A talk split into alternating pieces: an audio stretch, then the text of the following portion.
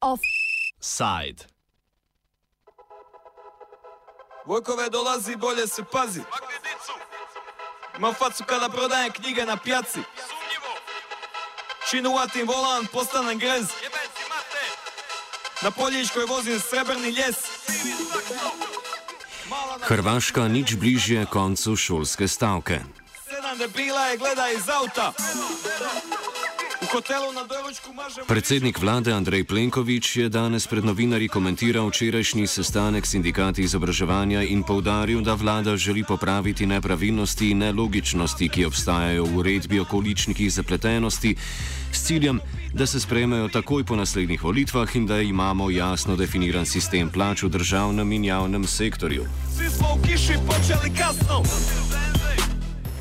Povečujemo tudi božičnico, regres, bonuse za otroke in zvišanje odpravnin. Ko akumuliramo teh 10,4 odstotkov v letu 2020 z do sedaj 11,49 odstotnim povečanjem, bo to zvišanje plač za učitelje in profesorje v našem mandatu za 23,1 odstotka, je dejal premijer in dodal, da je to celovit paket, resna politika, ampak tudi plod dialoga in skupen uspeh. Vojko je puka ka Blanka. Pošaljem cajku Lidiji. Tako rožnato si včerajšnji dogovor med sindikati zaposlenih v izobraževanju in vlado razlaga premijer. Realnost je brško nedrugačna. Člani sindikata z dogovorom niso zadovoljni, tako da se pričakuje, da bodo tega prepričljivo zavrnili. O tem, zakaj učitelji in ostali zaposleni nasprotujejo kompromisu in širše o enomesečni stavki učiteljev na Hrvaškem, smo se pogovarjali z novinarjem spletnega portala srednja.hr Denisom Gaščičem. Od prodaje albuma dobit ću nula. Na nastupu dobit ću napadaj bijesa. Jer došao sam gladan i treba mi mesa Al organizator je počeo žica Umjesto mesa može li pizza Može li balantajn umjesto džeka Evo ti šta sam mu reka Reka sam ne može Ne može Ne može Ne može E, jučer su bili ovaj e, dogovori sindikata i premijera. Prvi put je zapravo premijer jučer stupio u kontakt sa sindikatima koji štrajkaju 32 radna dana, mislim sad, možda čak i 33. Dakle, to je, to je 33 radna dana.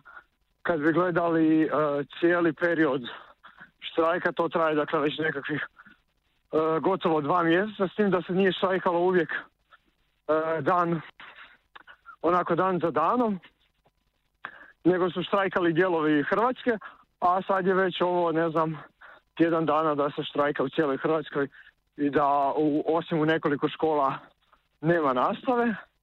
Dakle, ono što su sindikati tražili, odnosno ljudi koji štrajkaju u školama su veći koeficijenti. Kod nas se plaća, dakle, javnih službenika uređuje tako da se množi taj nekakav koeficijent sa osnovicom. Teško je to shvatiti i ljudima danas, i ljudima tu u Hrvatskoj, tako da ako se, ako ne kužite nije neki problem.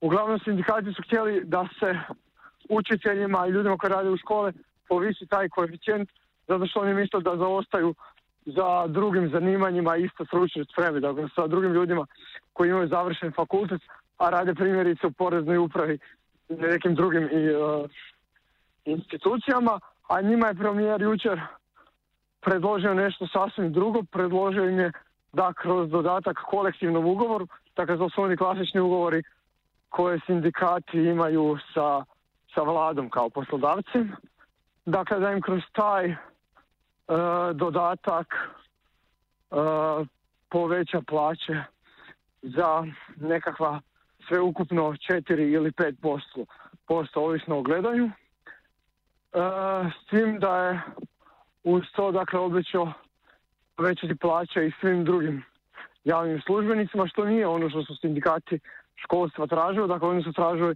samo za ljude u školama, a premijer je onda zubacio cijeli sustav, e, što će reći da ono, onima koji idu više, koji imaju više, a rade recimo u nekim drugim institucijama, će plaća rasti e, više nego tim učiteljima. E, što njima, dakle, nije na neki način prihvatljiva ponuda i on ne ispunjava one njihove zahtjeve, te su stoga ovaj, pa mislim da možemo sa sigurnošću danas već reći da učitelji neće prihvatiti tu ponudu premijera. Koju matematiku ima u glavi Plenković kad govori o povećanju za 10% i kao da znači ukupno s time bi došlo do 23% da je čak njegova vlada dignula plaće uh, učiteljima? Uh, dakle, Plenković tu ne laže kad kaže da bi učiteljima tako plaća porosla za 10%, ali tu se vraćamo na ovaj problem. Aha, ja se ispričavam, nešto se uključio. E, dakle, tu se vraćamo na ovaj e, problem da nije to ono što su sindikati obrazovanja tražili. Oni su tražili više novaca u odnosu na druge. Dakle, recimo da učitelj ima e, jednaku plaću kao neko ko radi nekakav drugi posao u javnoj službi, dok je Plenković njima u taj postotak uračunao ono što će dobiti svi. Tako da, znači on je kao njima zapravo prezentirao ono što su oni znali već da će dobiti i što dobivaju redovno. Zato što za vrijeme ekonomske krize se kao ljudima koji rade uh, u javnom sustavu oduzimalo i sada im se taj novac na neki način vraća, onda se uračunava inflacija i sve, pa kao plaće raste svima i onda on to uračunao kao da raste i učiteljima, što je zapravo točno, ali nije ono što su oni tražili. Znači Plenković govori da će od petka dalje da im mogu opet nastava normalno, ali očito ništa od toga, ali zanima me kako, kako je pozicija javnosti ili medija e, većih u Hrvatskoj što se tiče tog štrajka. Imaju oni potporu javnosti u tom smislu ipak uh, jedna školstvo je taka jedna osjetljiva tema da baš da, da imamo zatvorene škole uh, zbog uh, štrajka. Da, da, vrlo je teško govoriti zapravo tu što je podrška javnosti.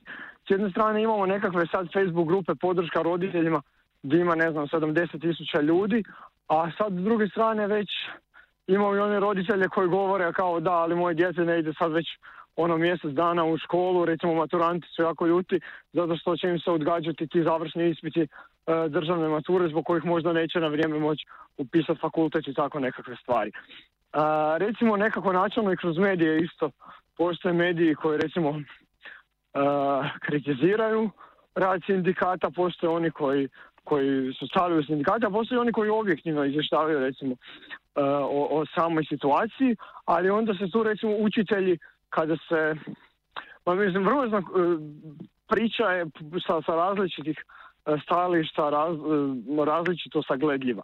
Jer kada su neki novinari primjerice tražili i objavili plaće učitelja, onda je došlo do toga da su učitelji digli i rekli kao da je to pisanje protiv štrajka. Iako nije, mislim, logično je po samoj pojavi da neko ko traži veću plaću će reći koliko sad ima plaću.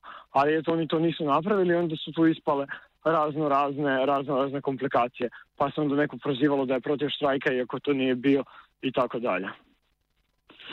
Od, ko, iz kojeg, od kojeg onda se već vuče taj uh, pitanje tog koeficijenta ili je to e, neki vječ, vječiti problem u Hrvatskoj da, da su učitelji uvijek nisko na toj ljestvici? E, to isto, to isto ovisno kako gledamo. Recimo, još 1994. godine je bila situacija da su profesori štrajkali i tražili veće koeficijente, iako je tada sustav bio nešto drugačiji, sustav kao plaća u javnim službama, pa ne možemo to baš uspoređivati.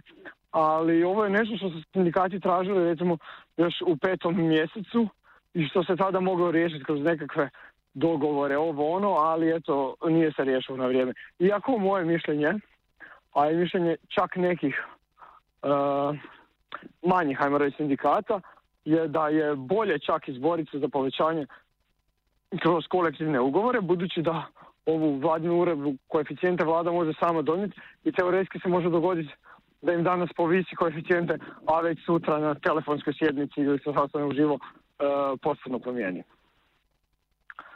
Tako da, međutim, ovaj, uh, ovo sad je možda više postalo stvar prikosa, ja mislim da se tu, uh, da je nastavnička profesija u Hrvatskoj jako uh, degradirana, ne samo plaćama, nego više nekakvom pozicijom. Recimo, ono što bi bio moj predlog je da osim tog nekakvog povećanja plaća, pa koliko god ono iznosilo, da se nastavnicima da, recimo, da im se ukine mogućnost da ih netko anonimno prijavi. Evo, teoretski je sad u Hrvatskoj moguće da vi u Google upišete nekakvu osnovnu školu, nađete tamo neko ime i prezime nekog zaposlenika i njega prijavite za nešto, da krivo radi svoj posao ili tako nešto, bez da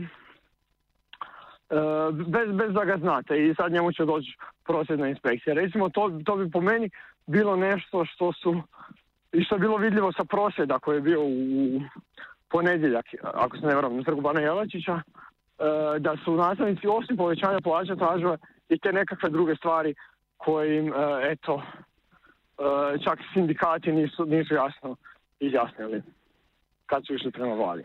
Aha, ali osim toga, jel, mislim, rekao si da znači stajališta sindikata i običnih nastavnika možda nisu čisto aligned u tom nekom smislu, a možda ima, ima i nešto drugo, mislim, jel se zahtjeva u smislu da se uh, pojavljuje se vječito ta tema reforma je posljednjih pet godina i možda čisto materijalnog stanja uh, i mislim, e, čisto da, dakle, dakle kad je aktualno kad je aktualna ministrica Blažen Kadijević dolazila na vlast, ona je zapravo došla tu da bi provela tu reformu, reformu o kojoj se pisalo i koja je bila, koju je jedan tip stručnjaka bio pripremio čak i koja je bila jako dobro osmišljena i samo su falili ti finalni koraci.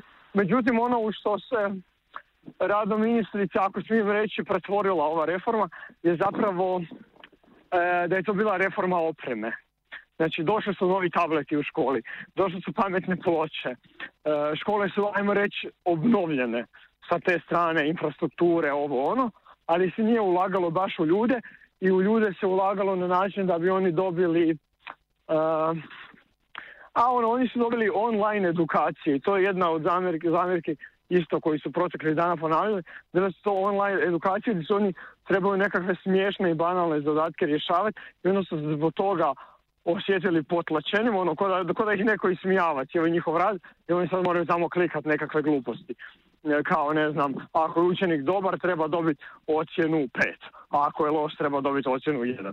Sad to neko mora kliknuti i onda, recimo, Mislim, možda nije bilo tako banalno, naravno, sam ja malo karikirao, ali ali to, to je nekakav suku stvari da su oni mogli kroz to tražiti nekakve dodatne recimo da se ukinu takve nekakve edukacije, tako da recimo ja mislim da će se sada realna neka pozicija da bi uh, ministrica uskoro mogla otići, evo recimo vrlo je zanimljivo da ona nije aktivno sudjelovala čak u tim pregovorima, ovo ono. Ona je zapravo tu na početku samom ocijepila vlade i dok je vlada govorila da ne može te zahtjeve koje traže e, sindikati, e, ona je s druge strane tu vrlo je podupirala jasno učitelje da oni to trebaju ovo ono, a onda se u jednom trenutku samo povukla i doslovno je nije bilo nigdje, nije rekla ni za ni protiv ni što je.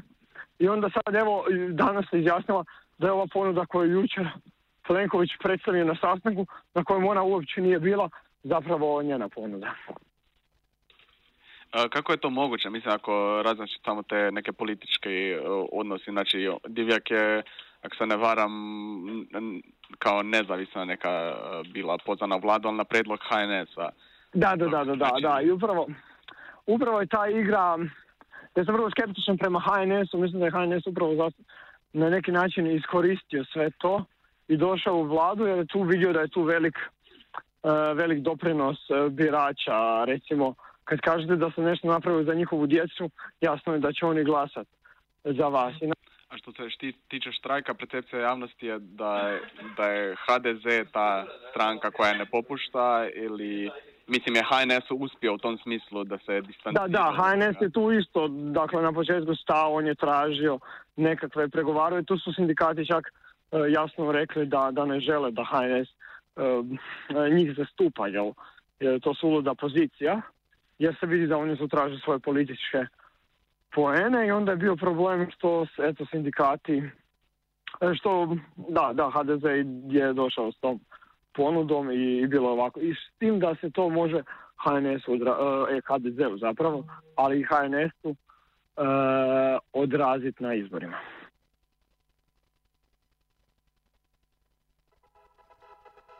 Vojkove dolazi, bolje se pazi. Imam facu kada prodajem knjige na postavim... Z Denisom Gaščičem se je pogovarjal Antun. Otkad imate tako simpatičnog premijera, čak i mi u pločama slušamo 89,3.